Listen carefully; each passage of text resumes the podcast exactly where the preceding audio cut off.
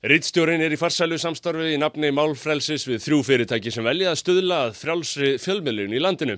Eitt þeirra er Þorgrumsson byggingavöruverslun, meira en 80 ára saga af alvöru þjónustu við alvöru neytendur. Anna fyrirtæki er Dominus Pizza, þú veist hvað pizzur er að tala um, rótgrón íslensk matarhæð frá 1993 og loks er það fjarskiptafæla fólksins hringdu, gott verð og þjónusta sem er þannig að ef þú spyrir vinnin á Facebook hvað þú átt að kaupa neitt, þá mun gáðaði nörd sem veit allt svaraðir hjá hringdu. Samstarf við þessi góðu fyrirtæki gerir okkur kleift að færa þér frétti vikunar á hverju faustu degi þér að kostnaðalösu.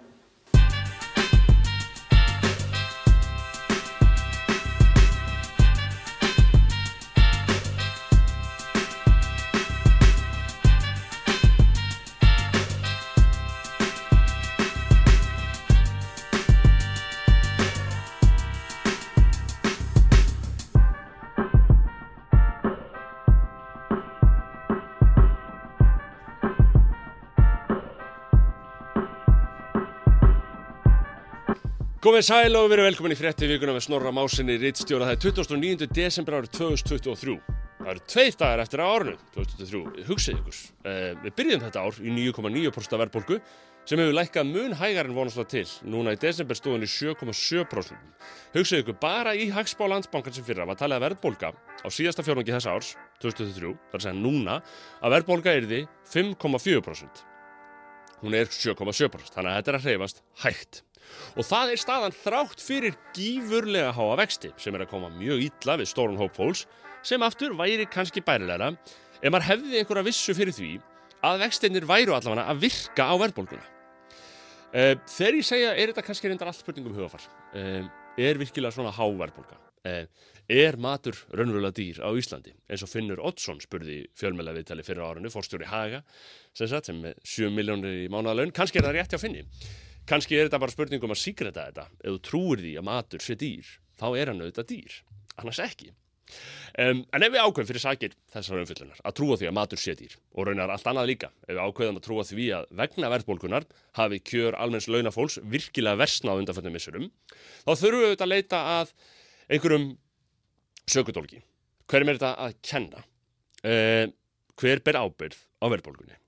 Ef við spyrjum hagfræðilegt átrúnaðagóðum ófara sjálfstæðismanna, bandariska hagfræðingin Milton Friedman, þá fáum við skýrt svar, hann gaf skýrt svar á þessum málfundi og auðvitað í öðrum reytum, en á þessum málfundi árið 1978 í háskólum í Kansas og þar var svaraðans Milton Friedman, ríkisvaldið. Þetta er ríkisvaldin að kenna, verðbólgan er ríkisvaldinu að kenna, alltaf, segir Milton Friedman.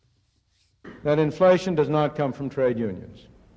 That doesn't mean that trade unions aren't grasping, of course they are. But they don't produce inflation for one simple reason. They do not own a printing press on which you can turn out green pieces of paper. The only such printing press is in Washington. I say printing press, of course, in the modern age we do it in a more sophisticated way. We use bookkeepers and accountants and computers. But it comes down to the same thing. Inflation is made in Washington because only Washington can create money. And any other attribution of, to other groups of inflation is wrong. Consumers don't produce it. Producers don't produce it. Trade unions don't produce it. Foreign sheiks don't produce it. Oil imports don't produce it. What produces it is too much government spending and too much government creation of money and nothing else. Yes, sir. Já, Milton Friedman var ekkert að skafa auðvitað á hlutunum. Hann var auðvitað einn af páfum, hinnar alþjóðlegu rótæku frjálsökju, þeirri mynd sem hún rataði líka hingað til okkar Íslandika á svona 8. áratugurnum í gegnum stjórnspekninga eins og Hannes Holstein Gissurusson og síðan kjörna fullur á sálstæðarflokksins. Uh, Milton Friedman segir þarna skýrt. Verðbólka orsakast ekki af græðiki stéttafélag, þó þótt vissulega séu þau gráðug. Neytendur búa ekki til verðbólgu, framleiðendur búa ekki til verðbólgu, erlendir þjóðulegtuar búa ekki til verðbólgu, innflutt rávara býr ekki til verðbólgu. Hvað býr þá til verðbólgu? Spyr Frídmann og svaraði strax of mikil ríkisútgjöld búa til verðbólgu og þar með í grunninn of mikil peningaprentur stjórnvalda. Peningaprentur er þá hugdag sem er bara notað yfir aðgeri stjórnvalda sem, sem auka peningamagni umferð. Þau eru einu sem geta gert það. Verðbólga er sakat þessu búin til hjá stjórnvöldum, alltaf, því að aðeins stjórnvöld geta búið til peninga úr engu. Þau eru eina einingin sem getur þynt út þann pening sem fyrir er með því að búa til pening. Og að benda á einhvern annan sökudólk en þau er einfallega rámt, segir Milton Friedman. Nú, áhrif Milton Friedman eru ekki horfin úr sjálfstæðarflokknum. Við búum við þá hættu á hverju stundu að rekast á grein í morgunblæðinu. Það sem fótgönguliður sjálfstæðarflokknum nota nýtna tilvöldnur í Milton Friedman sem útgangspunkt fyrir ömulegu pælinguna sína. En sjálfstæðismenn virðast þó velja hverju þeir vilja trúa í bóðskap Friedman. Þeir eru nefnilega ekki tilbúin að horfast í augu við það að ríkisvaldi ber ábyrða velbólkunni. Kanski reyndar að því að fjármálagarandið hefur verið í höndum sjálfstæðisflokksins samfleytt frá 1991 með einni undatekningu í fjör ár. Bjarni Benediktsson sem var fjármálagarandið þeirra í tíu ár þannig fyrir skemstu fer beint gegn Milton Friedman í grein sem hann skrifaði í apríl á þessu ári þar sem að Bjarni eh, skrifar að ríkisfjármálinn séu ekki upphafa og endir þess að ná tökum á verðbólkunni. Heldur þurfi samhend þjóðaráttak á vinnumarkaði. Og mikilvægur þátt, tilvitun, mikilvægur þáttur í því að draga úr verðbólku til lengri tíma er breytt vinnumarkaðslíkan á Íslandi. Þið heyrið þetta. Vinnumarkaðurinn er samkvæmt bjarnabendintitt sinni vandamálið, ekki ríkisaldið. Laun fyrir venlegt fólk eru stóra vandamálið, ekki stjórnlaus eðsla og sjálftaka okkar stjórnmármannana. Þetta segir Bjarni. Nú skilir Bjarni. Og ef við heldum að væri breytti tíma framöndar í floknum, þá er það ekki svo. Þórdís Kolbrún, ef hún velst til fórustu, þá getum við vitum við hverju við vona frá henni. Þegar hún tók við fjármálaræðindinu í oktober, þá var hann spurðað því í þinginu, hvernig stæði til að taka á verðbólgunni? Og þá bendi hún á. Sérstaklega, hún bendi sérstaklega á að kjara viðræður myndu hafa þar mikil áhrif. Í því efni var krafan skýri á ráðarunum, please ekki hækka laun. Og það má spyrja hvort að það hefði verið uh, innstæða fyrir þeim launahækkunum sem við höfum séð undanfarin ár. Ég held að svara við því sé augljóslega nei. Um, við sem samfélag höfum komist upp með miklar launahækkanir í töluverðan tíma en nú er sá tími uh, liðinn ef við meinum það þegar við segjum að við viljum tryggja stöðugleika og tryggja það að fjölskyldur geti uh, greitt af sínum lánum og haldið í sína stöðu, þá munu launahækkanir ekki leysa það með krónutölu heldur það að ná tökum á verðbólgu þannig að vaxtastigið lækki. Þórtís segir þetta skýrt. Ef við viljum tryggja það að fjölskyldur geti greitt af sínum lánum og haldið í sína stöðu, þá, en ekki að salapa, þá munu launahækkanir ekki leysa það með krónutölu. Heldur það að ná tökum á verðbólgu, þannig að vaxtastigið lækki. Það er að segja, Þórtís er að segja, við leysum ekki málinn með launahækkunum, heldur með því að ná tökum á verðbólgu. Þetta eru þessi tveir valkostir. Annarkort eh, ná, náum við tökum á verðbólgunni eða hækkum laun. Það er bara þetta tvent í stöðinni. Annarkort launahækkanir eða ná tökum á verðbólgu. Standa í stað í launum eða hafa verðbólgu að eilifu. Hvort viltu, launaþræll? Þú mátt velja, en saman hvað gerir, myndu að verðbólgan er þér að kenna.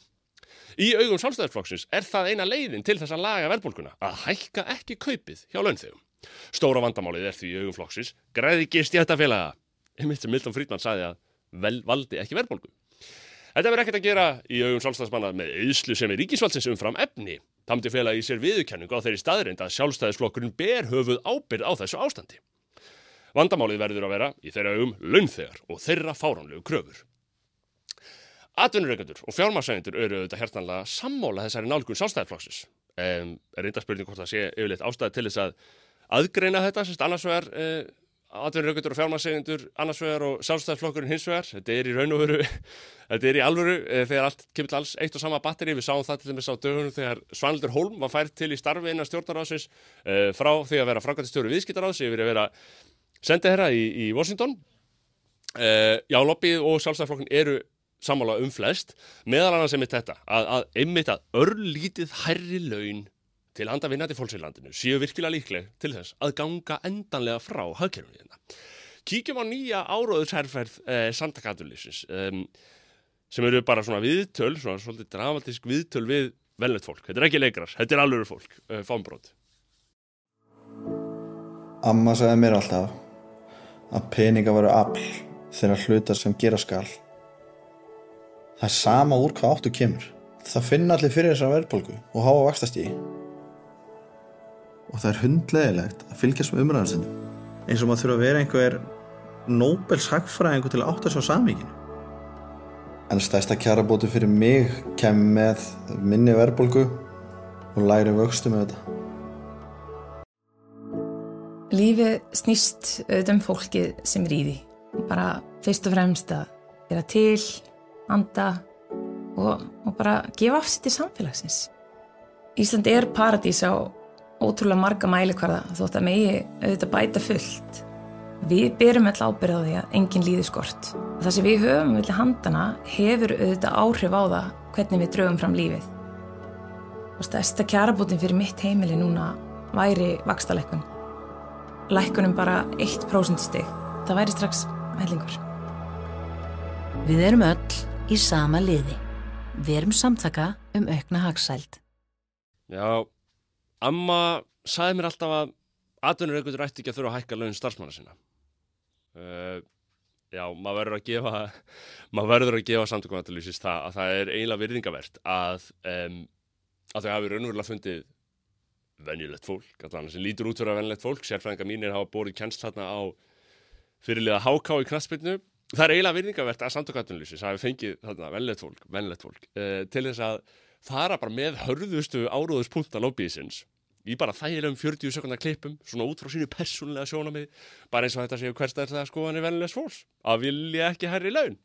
Um, og þetta er að virka er, áróðurinn er að virka í einhverju skilningi hann er að áhrif á, á e, óriklustu menn. Í Ragnar Þór Ingólfsson formadur Vaffer var í viðtali við morgunblæði síðustu viku þar sem hann var hálfpartin var að tala bara eins og samtök aðurlýsins reyndar sem er kannski gott sko því að, að, því að það þýðir að, að við séum mögulega þokast í átta samningu þá byrjar það að gerast en allan að Ragnar sagði þess að í þessu viðtali í morgunblæðinu að í þeim stóru samningum sem nú sé verið að reyna að teikna upp sé launaliðurinn orðin aukaðatriði launaliðurinn aukaðatriði kjör aukaðatriði í kjara viðram tilvittin hefst í Ragnar. Stóru tölurna liggja í vöxtum og verðbólgunni Hagsmunirni liggja í því að þið ofnbera sveitafélagin og atvinnulífið og fyrirtækin taki öll þátt í því að ná hér nýður vöxtum og verðbólgun. Sem dæmi, Ragnar heldur áframsessat, þá þýðir 1% lækkun vaksta á 40 miljón krónar húsnæðislánu í dag að ráðstöðuna tekjur aukast um 33.000 krónur sem jafngildir 50.000 krónar launahækkun. Þarna eru stærstu kostnæðaliðnir og verðmættustu krónunar sem við getum samiðum sem lækkar kostnæðin við að lifa. Tilvöldin líkur í Ragnar Þór. Um, Hann segir bara eins og konunni myndbandur frá SA, uh, bara einu prósundi lægri stýrivexti, það væri kjarabótin. Um, nei, nei, uh, við þurfum að aðtöða það samt að sko Ragnar er vel að merkja komin í bandalega með Solveig Önnu Jónsdóttur í eblingu sem hefur ekki reykið þessa pælingar ofan í hann, þannig að þetta fer og samningar fara einhvern veginn hægt og róla núna hljóma bara ágætlega líklega. Uh, fyrsti fundur átt að vera haldin í gær þegar þetta er tekið upp og menn, um að, menn að tala um að samningar getur allt eins naðst í januar og, og Ritstjórn tekur það auðvitað fram Og það er alveg eins líklegt að þetta sé allt saman rétt að máli sé núna að stilla launahækkunum í hóf og einblýna bara á að koma vöxtunum niður sem aðtunurreikandi þá stiður hann þannig álgunni þetta.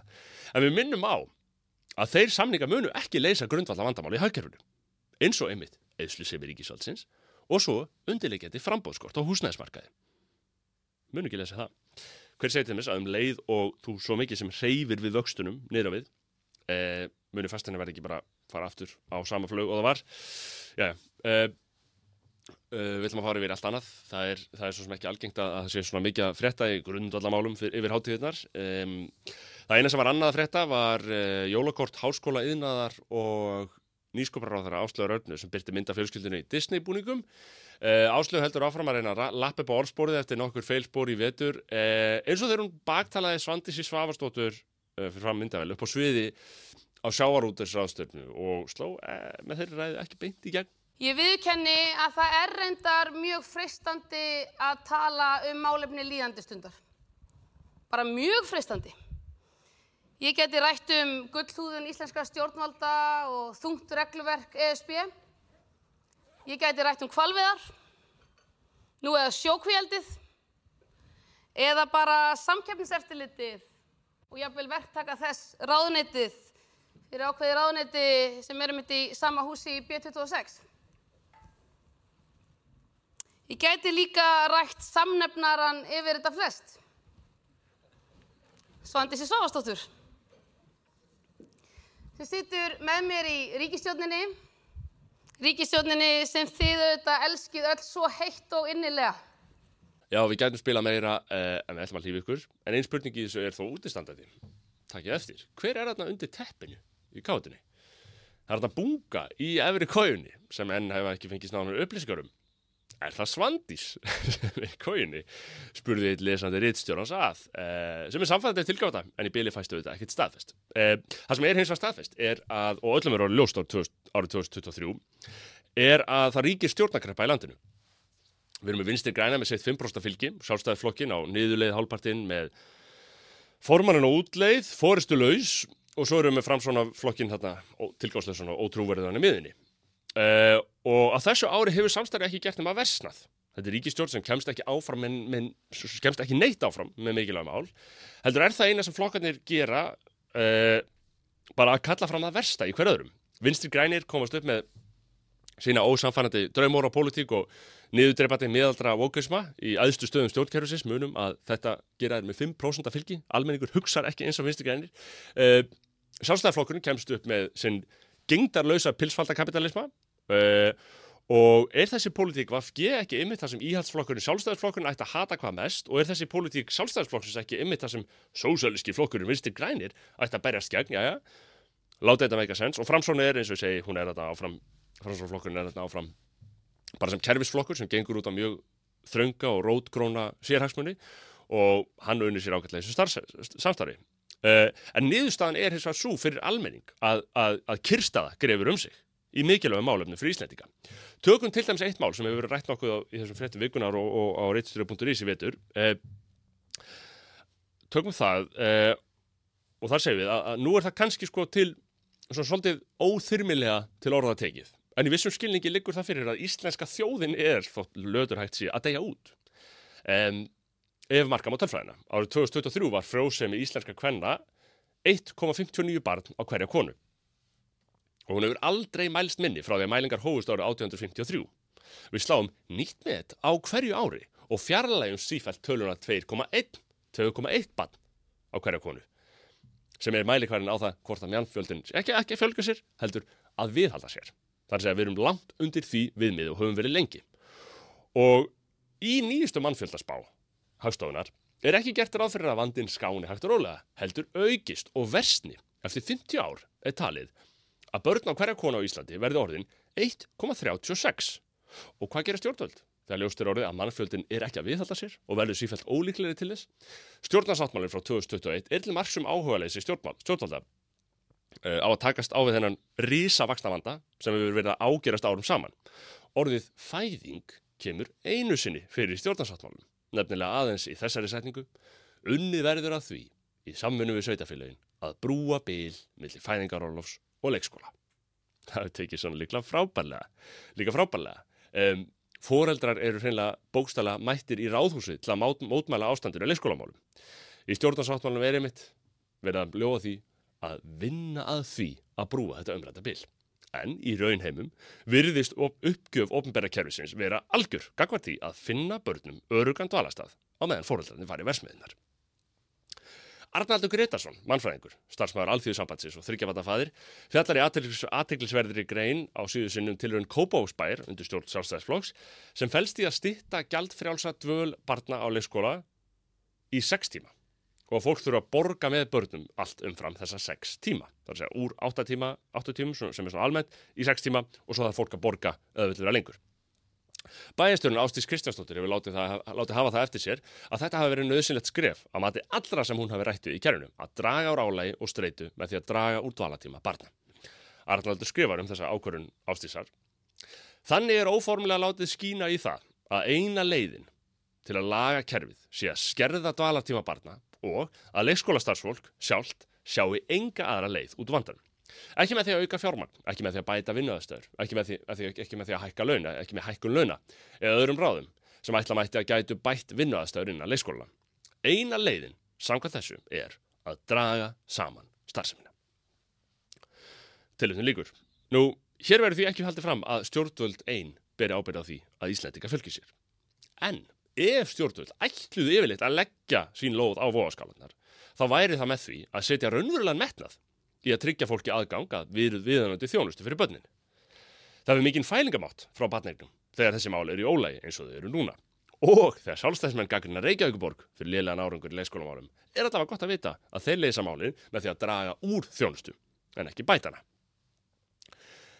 Í alvöru, hvað annað gæti skipt meira máli þegar fæðingartíðinni er í frjálsufalli en að taka þá þróun alvarlega og til dæmis byrja á að bjóða fóruldrum sem þó láta verði það af því að fjölga sér leikskólapláss fyrir börnin svo að þeir geti dreigið björg í bú á meðan, ef þeir þurfa.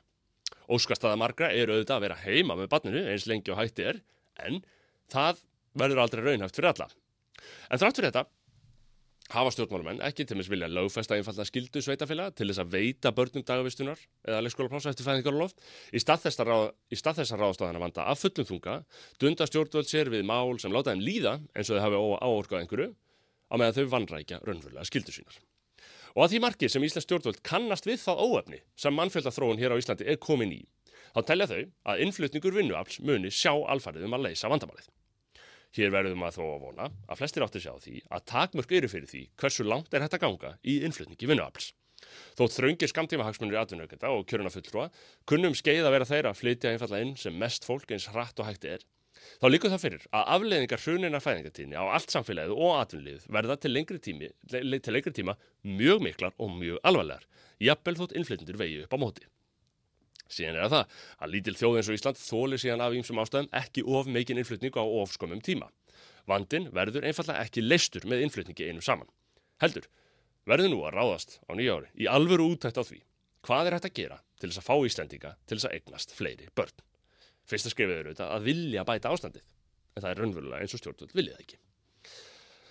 Úr því, eh, yfir í annað, eh, þetta, þetta fæðingatíðnismál væri raunverulega eitthvað til að hugsa um á næsta ári en allana. Ótengt þessu hérna í lokin, þá byrjar árið á því að stjórnvöld búa tvær nýja leiðir til að sækja fyrir í vasa okkar skattgreynda með nýstárlegum hætti. Ekki leiðanum í gott leikskólakerfi, nei, Guð veit í hvað hann fer í alvöru. Eh, eitt af nýju gjöldunum er kílometragjald á bifriðeigjendur. Eh, innhemta þess verður hafinn strax í janúar. Það eru 6 krónur á kílometran fyrir rafbílægjendur. Eh, þannig að ef þú keirir um á 1000 km mánuði á rafbílinu eða tengil tunnbílinu, hybrid, 1000 km svona meðalagstur þannig að ef þú keirir 1000 km mánuði þá ættir þau að byrja að borga strax í janúar eitthvað mellir 6 og 7000 krónur fyrir aksturinn. Og síðan á árunni 2025 þá stendur til að fara að rukka eins og í skilda uh, alla bíla um svona kilometragjald fyrir akstur líka bensinbíla uh, til viðbótar við það sem er núna verið að rukka. Uh, annan nýtt gjald kom fram í viðtali við dómsmálar á þeirra bara á jóladag á mbl.is Guðrún Hásteinsdóttir á þeirra bóðaði það að hún hefðist leggja fram frumvarp strax á vorþingi sem veitir kirkugörðum heimild til þess að innheimta sérstakt lík geimslu gjald til þess að standa undir geimslu líka. Uh, þannig að það er komin nýtt ofnbært gjald, lík geimslu gjald. Við följum það hérna dögunum þegar stjórnvöld lögðu nýjan skatt á heimili landsins til þess að byggja þarna varnargarða á Reykjanesi. Þá var það að kalla forvarnagjald. Þetta er oft gert með nýja skatta, þetta er svona forvarnagjald. Þetta er eitthvað sem getur ekki verið á móti. Uh, kennir, kennir skattin við eitthvað sem getur ekki verið á móti, hver er á móti forvörnum, hver er á móti því að, að reysa varnargarða við eldgósum uh, og ætla með ekki segja það sama um lík geimslu gjaldið um, ekki ætla maður að vera ekki ætla maður að setja sig upp á móti tilhlýðilegri lík geimslu það hljómar eins og það getur farið íðla þannig við hljótum öll að vilja það lík geimslu gjald eða hvað? Þurfum nýja skatta? Það er spurningin. Sjálfstæðifloknum finnst það, jájá kæru áhörundur, hlustendur, lesendur Það kom á lokumenti hjá okkur í dag. Þetta hefur verið uh, ótrúlegt ár í lífi Rittstjórnars. Síðust áramót var ég enn fastur starfsmæður stöðu 2. En þegar við kvæðum þetta ár þá er ég eini fasti starfsmæður mín sjálfs í einn fyrirtæki. Rittstjóri.is og starfsemi mín á öllum mikilvægum miðlum okkar samtíma hefur farið betur á stað en með óræði fyrir. Hundruðir, þúsunda áhorfa og tugi þátt að klippa, greina, viðtala og ég veit ekki hvað og hvað. Viðbröðin eru stundum góð, auðvitað, eiginlega alltaf. Stundum slæm, alltaf eftir hver hata reittstjóran fyrir það sem hann er að segja þá stundina, en þannig á það að vera og þannig verða það áfram. Höfum á hreinu að 2023 var bara uppöfið. Framöndan er mikil uppbygging á vegum fyrirtækisins eins og þau munum sjá strax uh, snamma á næsta ári, haldið ykkur fast. Uh, fyrir mig persónulega segi það að það að framlega efni fyrir ykkur er það skemmtilegast sem ég geri og ég lof ykkur að á næsta ári er þetta bara að fara að verða ennþá skemmtilegra. Uh, Hér lókinu þessum þætti, síðasta þætti ásins, þá vil ég auðvitað þakka samstagsæðalum þessa fréttaþáttar, kærlega fyrir samstæðið á liðnu ári. Þótt Þorgrimsson, Byggingavöruverslun, Dominus Pizza og fjarskýtafélaginu Ringdu. Án þessara runnulega frábæri fyrirtækja væri þetta ekki mögulegt. Um, á sama hátt þakka ég sérstaklega þeim lesendum og áhörðum sem hafa ákveðið að gerast ásköðundur á rítstjóri.is. Fá nok náttúrulega nokkuð fyrir sinn snúð þar, en styðja um leið við uh, frálsa fjölmiðlun. Uh, þetta er jafnvel nöðsynlegri undirstaði reksturum en auglýsingar. Þannig að ef ykkur vantar áramóta heitt, hafið þau að styðja við frálsa fjölmiðlun á rítstjóru.is. Ég minni hér að lókum á kjörorð þessa frétta þáttar. Ást á ættjörðu, ást á sannleika. Við sjáumst hér að viku liðinni á næsta ári. Þá getur þá, Guð bless ykkur og gleðilegt nýtt ár.